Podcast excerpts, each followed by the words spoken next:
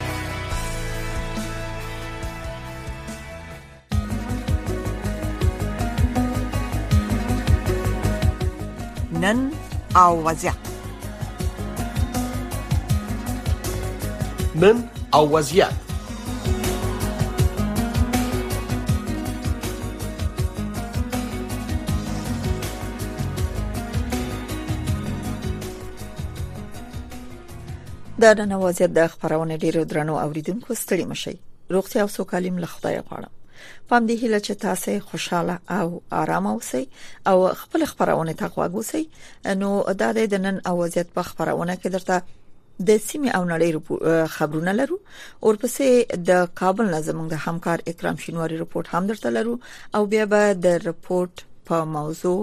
چې د افغانستان د خزو په روان وضعیت په کتاب سره شوې ده موږ به د خپل ملمنې نظر هم واخلو روبینه همدرد د خزو د شبکې د عدالت غوښتنې د برخې غړي او همدارنګه په ملګرو ملتونو کې د خزو د برخې پخوانی کارکونکو هم ده هغه بر سره په خبرونه کې ملګری او ځنې پښتنې به جواب کې د افغانستان د خزو پر روان وضعیت د دوی په غوښتنو ځنې پښتنو به دوی تبصره وکي کوم ودان هله لرم د خبرونه تر پایه مونږ سره اوسئ راځي په پایل کې د سیمه او نړۍ خبرونه وورو السلام علیکم درنو اوریدونکو زه سید سلیمان آشنایم او تاسو د امریکا غږ آشنا رادیوونه د دې سات خبرونه اورئ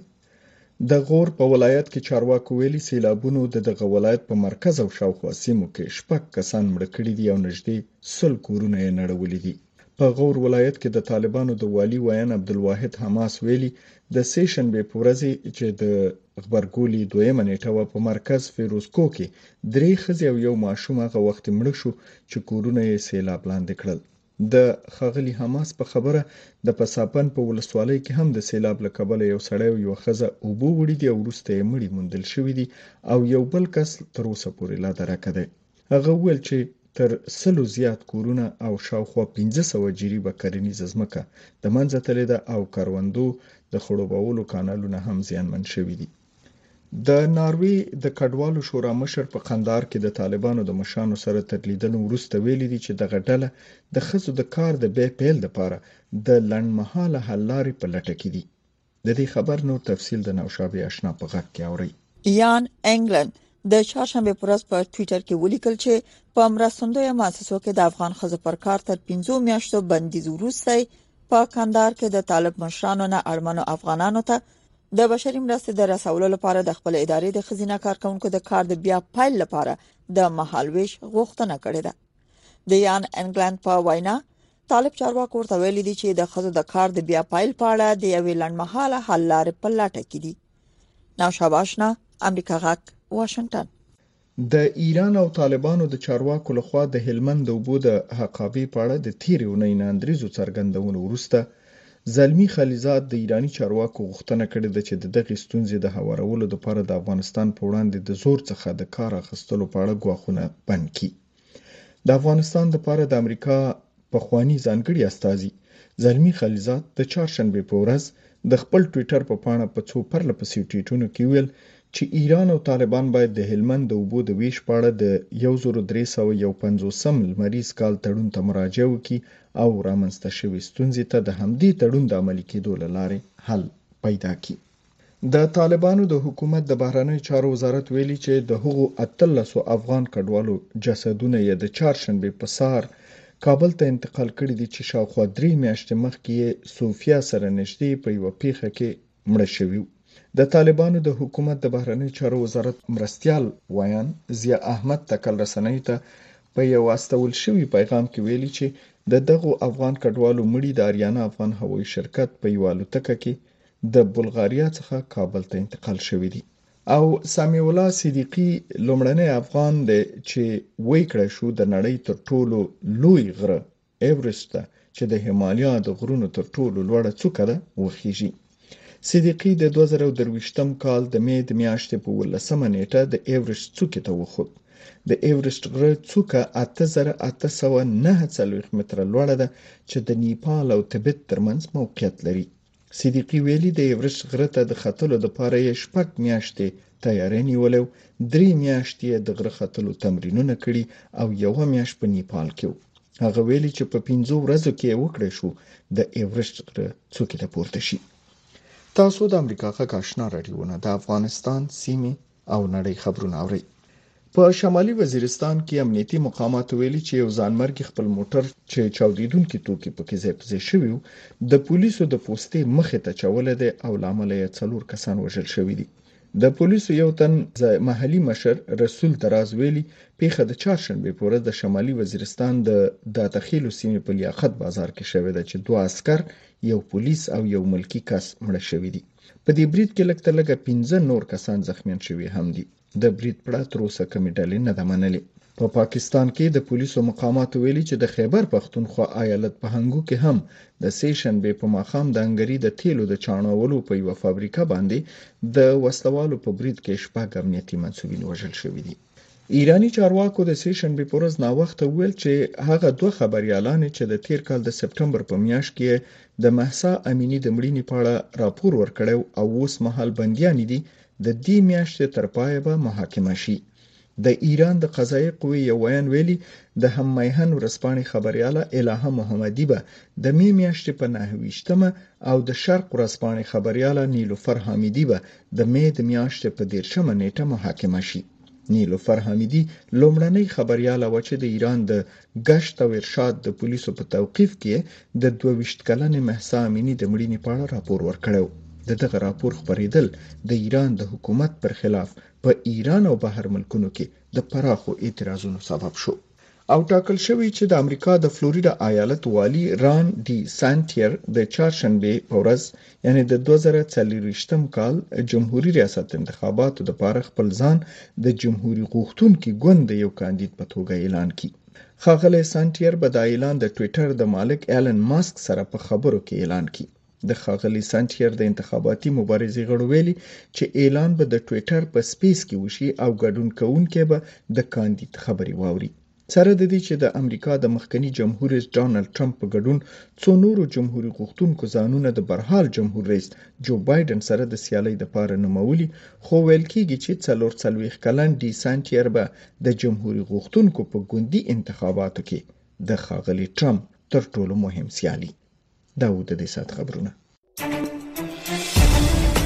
متضاد اړخونه بیلابیل دریځونه په افغانستان کې د اوبو څه ډول ستونزه رامنځته شوې ده چې ایران دومره په جدي لهن افغانستان ته خبرداري او تا کار ورکړي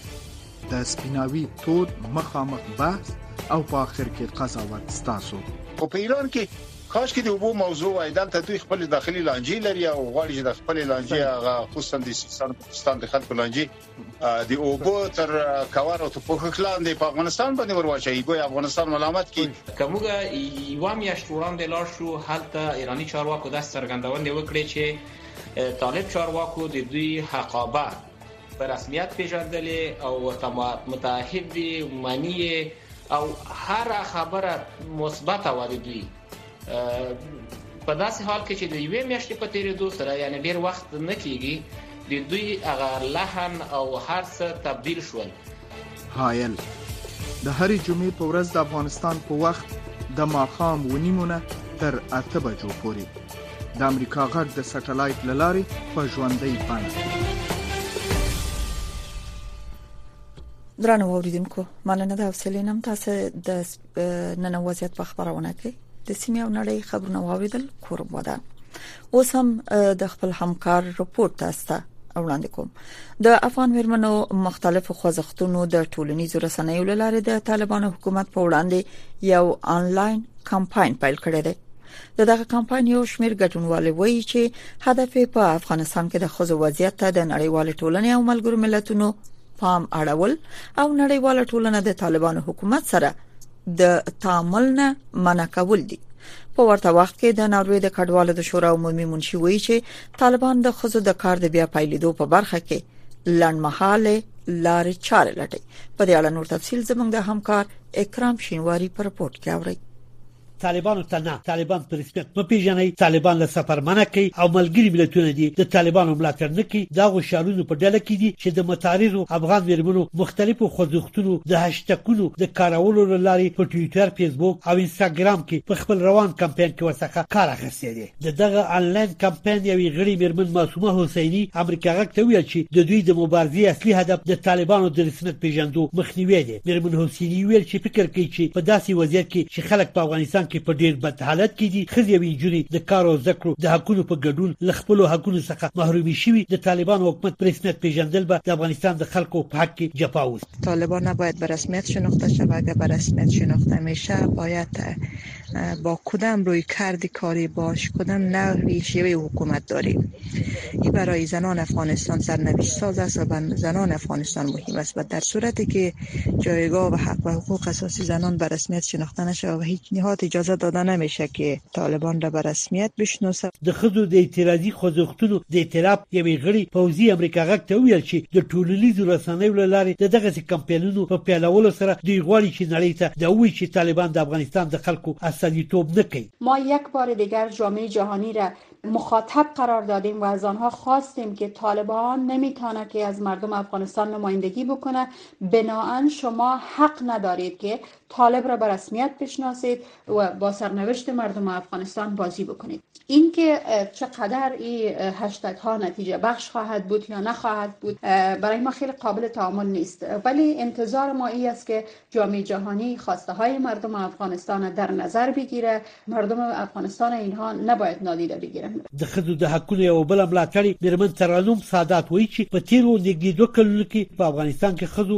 د خارونو په لارو کوڅو کې د اعتراضي لارینونو د جوړولو څخه تر تړلو ودانیو کې دننه د غونډو په ترتیبولو خپل نظریات او دریځونه د رسنیو او ټولنیزو شبکو له لارې نړیوالو سره شریک کړي او د طالبانو د پالیسیو په وړاندې د افغانستان دننه او بهر کې خپل مبارزو ته دوام ورکړی میرمن سادات وایي دا روان کمپیان یې هم په افغانستان کې د بشري وضعیت په اړه د نړیوالو د خبرولو لپاره پیل کړی دی. تا به او نتیجه دل خوبه مطلوب نرسیم که هدف ما آزادی افغانستان آزادی زن افغانستان هست و ایجاد یک حکومت پایدار و مردمی که زنان هم در اون مشارکت داشته باشند مبارزات ادامه میدیم. به قطعا صدای حق همیشه بالاخره نتیجه میده. طالبان د دوه زره یوویشت میلادي کال د اګست په میاشت کې واک ته د بیا رسیدو وروسته په افغانستان کې په خلکو په ځانګړي ډول ښځو او انجونو باندې د کار او زده کړو په ګډون پرله پسې محدودیتونه لګولي د نږدې دوه کالو راهیسې انجونې د شپږم ټولګي څخه په پورته ښوونځیو او پوهنتونونو کې له زده کړو منع شوي او هم په څو محدودو ادارو کې د کار پرته په دولتي او غیر دولتي ادارو کې د ښځو په کار باندې بندیز لګول شوی دی. نړیوالې ټولنې د طالبانو د حکومت د رسمیت پیژندو لپاره د ښځو انجونو او مذهبي او قومي اقلیتونو حقونو ته د درناوي ترڅنګ بشري حقونو ته درناوی د طالبانو د حکومت د رسمیت پیژندو لپاره د یو شرط په توګه اعلان کړی دی طالبانو د حکومت چارواکي په پرله پسې ډول وایي چې دوی د ښځو حقونو ته درناوی لري او د شریعت په چوکاټ کې د ښځو ټولو حقونو ورکولو ته ځان پابند ګڼي په ورته وخت کې د ناروې د کډوالو د شورا عمومي منشي یان انګلیټ د چهارشنبې په ورځ په کندهار کې د یو شمېر طالبانو د حکومت د چارواکو سره د کتنې وروسته د خپل ټویټر په پاڼه لیکلي چې طالبان د ښځو د کار د بیا پیلېدو په برخه کې د حل لنډمهالې لارې چارې لټوي. ښاغلي انګلینډ ویلي چې د مرستې رسونې په موسسو کې د ښځینه کارکوونکو د کار د بندیز څخه پنځه میاشتو د تېرېدو وروسته له طالبانو غوښتي چې د ښځینه کارکوونکو د کار د بیا پیلېدو لپاره دې زماني مهالوېش وټاکي. د ناروې د کډوالو شورا عمومي منشي ویلي چې د طالبانو یو شمېر چارواکو ورته په کندهار کې ویلي چې په هغه کړنلاره باندې کار بشپړېدو ته نږدې شوی چې ښځو ته د کار او تعلیم اجازه ورکړي درنو اوریدونکو مننه بیا هم تاسو نه چې مونږ سره یاست د امریکا غږ آشنا رادیو خبرونه اوري کورم ودان قدرمنه ملمنه روبینه همدرد د خزو د حقوقو فعاله او د خزو د حقوقو مدافع او مدني فعال را سره په لاين کې ده په همدې اړوند به پاتې پښتنې د پښتنو ځوابونه لاغي وورو روبینه جان ستړي مشه خبرونه ته سلامونه تاسو ته ټول قدرمنو اوریدونکو ته ډیره مننه د حضور نن په خبرونه کې افغان مېرمنو د مختلفو خوځښتونو غړي چې پکې شامل دي د داسې یو کمپاین شروع کړی دی چې نړۍ د طالبانو سره یو تعامل ته نه رسیږي او دوی د پر رسمیت نه پیژني البته د نړیوال ټولنې نه دا غوښتنه کړې ده نو د دې هدف کمپاین هم دا دی چې د نړۍ توجه یا پام افغان خزو ته واوړي اوسنی وضعیت ته واوړي او د طالبانو کړنو ته چې دوی د رسمیت نه پیژني څومره دغه حل ځل اول خو تاسو دغه کمپاین په اړه څه نظر لري ورسره هم نظر هستي نه هستي کچیرته په دې مبارزه یا په دې انلاین کمپاینونو د نړۍ توجه ډیری دی شي افغانستان خزته لکه څنګه چې تاسو هم اشاره ورته وکړه دا کمپاین پیل شوی دی او د دې مخه دا ده چې د نړیوال ټولنې پام راوړی دا چې څومره به دا مسؤلیت ولري کنه دا غږ به څومره بدرګه شي څومره به اغیزه ولري دا معلومه نه ده خو هیله او امید یې ورته شته ځکه چې بله لار خو دې ښځو ته پاتې هم نه ده تاسو ته معلومه ده چې اوسنۍ وضعیت کې ښځې فقط یوازې یو ملاتړ چې لرلای شي یو ملاتړ ټولنه چې لرلای شي هغه هم د نړیواله ټولنه ده نور خو تاسو ته معلوم دي چې افغانستان کې د نن چارواکي چې کوم دي دوی اصلا خځو ته غاکته ارزښت نه ورکوي خزه اصلا د یو د ټولنې د غړو په توګه نه پیژني خزه باندې څومره محدودیتونه ډیر شو خزه څومره لاس راوړنې د لاس ورکړې ټول خزه څومره بعد وضعیت سره راوس مخ دي جونې په څه وضعیت دي دا ټول ستونزې شته او په دننه کې افغانستان کې چارواکي خو اصلا دوی ته کومه پاملرنه نه لري نو یوازې امید یا یوازې لاره چې خزي مومي هغه نړیواله ټولنه ده بله روبینه جان په دې صورت کې چې خپل د افغانستان چارواکي چې اوس طالبان دي دوی په دې مسایلو غوږونه غري افغان خزو ته د سي بنیادی او حقوق دی هغه چې هغه انساني حق دی دا ورته قائل نشي د کلون رئیس نړیواله ټولنه خو لګیا و د حق حقونو د یادې لپاره د افغان خزو ملاتړ وکاو دغه حل ځله به کوم ځای ونیسي د څه فکر وکړي چې نړیواله ټولنه یو کلک دریز غوړه کې چې تر اوسه پورې د افغان خزو د انتقاد تر لاندې د نړیواله ټولنه چې فقط په اعلامیو او په خواخوږیو یعنی تر دې سرحده پورې دوی اقدام کړی دی دا سه اقدام چې په طالبان باندې جدي فشار راوړي د خزو د حقونو یادې چې هغه د کار او د تعلیم په برخه کې د طالبانو اقدام دی تر اوسه پورې داسې اقدام نه دی کړی البته ورسته تر دې به څه وکی څه ګټه به ولري د نړیوال ټولنې حل ځله دقیقاً تر اوسه پورې هیڅ نړیوال ټولنې دغه د افغانستان په سیاست کې داخله ایوادونه چې کوم دي دوی یو هم داسې یو اقدام نه دی تر سره کړی چې هغه د یو فشار په توګه یو د دې سبب دي شي چې د طالبانو په کړنو یا فرمانونو کې تغییر راولي خو یو څه دی چې دغه سم د سپي خزه چې ویني چې طالبان نړیوال ټولنې ته د سیاسي تعامل یا د غوي د دوی پر رسمیت پیژندنه کې یو څه اړ دي یا ورسره تعامل او مصلحت ضرورت لري، په دې خاطر دوی د نړیوالې ټولنې نه غواړي چې نړیواله ټولنه هم د دغه وضعیت نه یو فشار په توګه استفاده وکړي او طالبان دې په رسمیت نه پیژني تر څو چې یو مشروع حکومت نشي چې هر وګړی په خپل اساسي حقوقو ته لاسرسي ونه لري تر هغه د دوی په رسمیت نه پیژني کوچې ته طالبان په رسمیت وپیژندل شي نو بیا دلته هیڅ هم یو امید هم خزه ته نه پاتې نړیواله ټولنه په هر ډول چې دا دا چې څه شي دي د پردې تر شا د دوی ترمنځ دوی او د طالبانو ترمنځ خو په ظاهره کې هیڅ کلام دوی تر اوسه پورې داسې یو مستقیمه فشار سبب نه وی ګرځیدلی په داسې حال کې چې دوی کولای شي ځکه نن نړۍ ډېر ډېر سره نږدې ده ملګر ملتونو سازمان کولای شي چې یو ښه مداخله ولري یو ښه تغییر سبب شي یو فشار وارد کړي خو تر اوسه دا کارونه نه دي شوي اوس یوازینۍ لاره چې پاتې ده دا چې هر هیواد یا هر بینالمللي ټولنه یا مثلا ملګرو ملتونو سازمان امنیت شورا دا ټول کله چې نشي کولای چې مستقیمه توګه مداخله وکړي یا د یو تغییر سبب وګرځي یوازینۍ لار همدا پاتې ده چې طالبان دې په رسمیت نه پیژني ترڅو دوی هم دې ته اړ شي چې په خپل دغه کړنو کې یو څه نرمښت راولي یو څه تغییر راولي او بالاخره ښځو ته د ټولنې د افغان ټولنې د یو وګړو په توګه چې اساسي حقوق او دغه د فتن په پایمال دی یا نقض دی چې سترګه وګوري بله کچیرته دا خبره ای چې نړیواله ټولنه هم د خزو د حقوقو په برخه کې طالبان د خوګي ګوتنه ونیسي او طالبان نړۍ هم دغه سه د رسمیت پیژندلو د خپل حکومت د رسمیت پیژندلو په خاطر فشار په خزو راوړي فکر کوي کچیرته د حقونه په دغه ډول ورکړل شي او کوم شرایط چې طالبان لري د افغان خزو لپاره بیا هم افغان خزه کولای شي چې خپل اساسي حقوق او انساني حقوق ترلاسه کړي لکه څنګه چې دا دوه کاله دغه حالت روان دی دوی یو حل لارې ته ونه رسیدل او متاسفانه دغه بینالمللي تعامل یعنې د دې سبب شو چې د په خځو باندې فشارونه او محدودیتونه لا ډیر شي دا به د دې نه به ډیر نور څه محدودیتونه یې خو په دې مینس کې چې څوک صدمه ګوري هغه اوله کې صحیح دی چې افغان خځې دي مګر په دویم قدم کې طالبان دي خپل هغه چارواکي دي یا دغه کومه ډله د دوی به صدمه ګوري ځکه نن نه سبا سبا نه بل سبا دوی به یو وخت متوجي شي چې ټولنه یې د څومره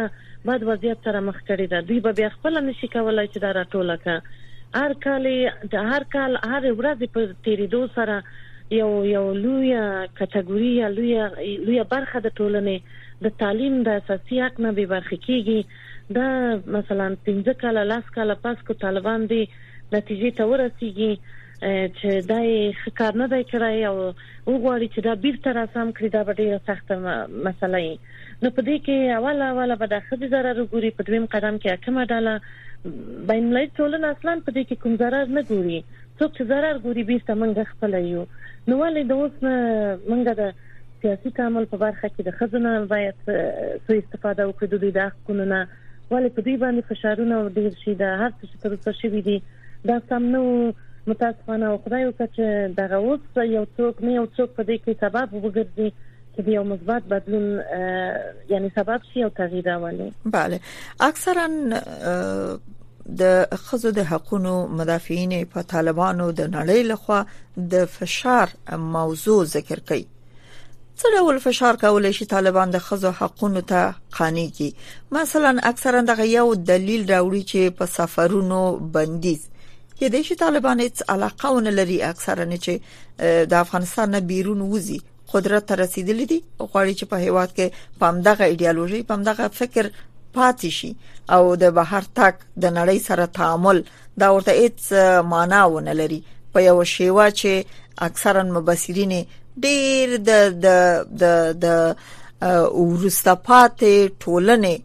په وړاندې اقدامات دي په اماغه فکر باندې دوی دغه حکومت ولی مخ کې بوزي بیا په دې صورت کې تاسو څه ډول فشار ته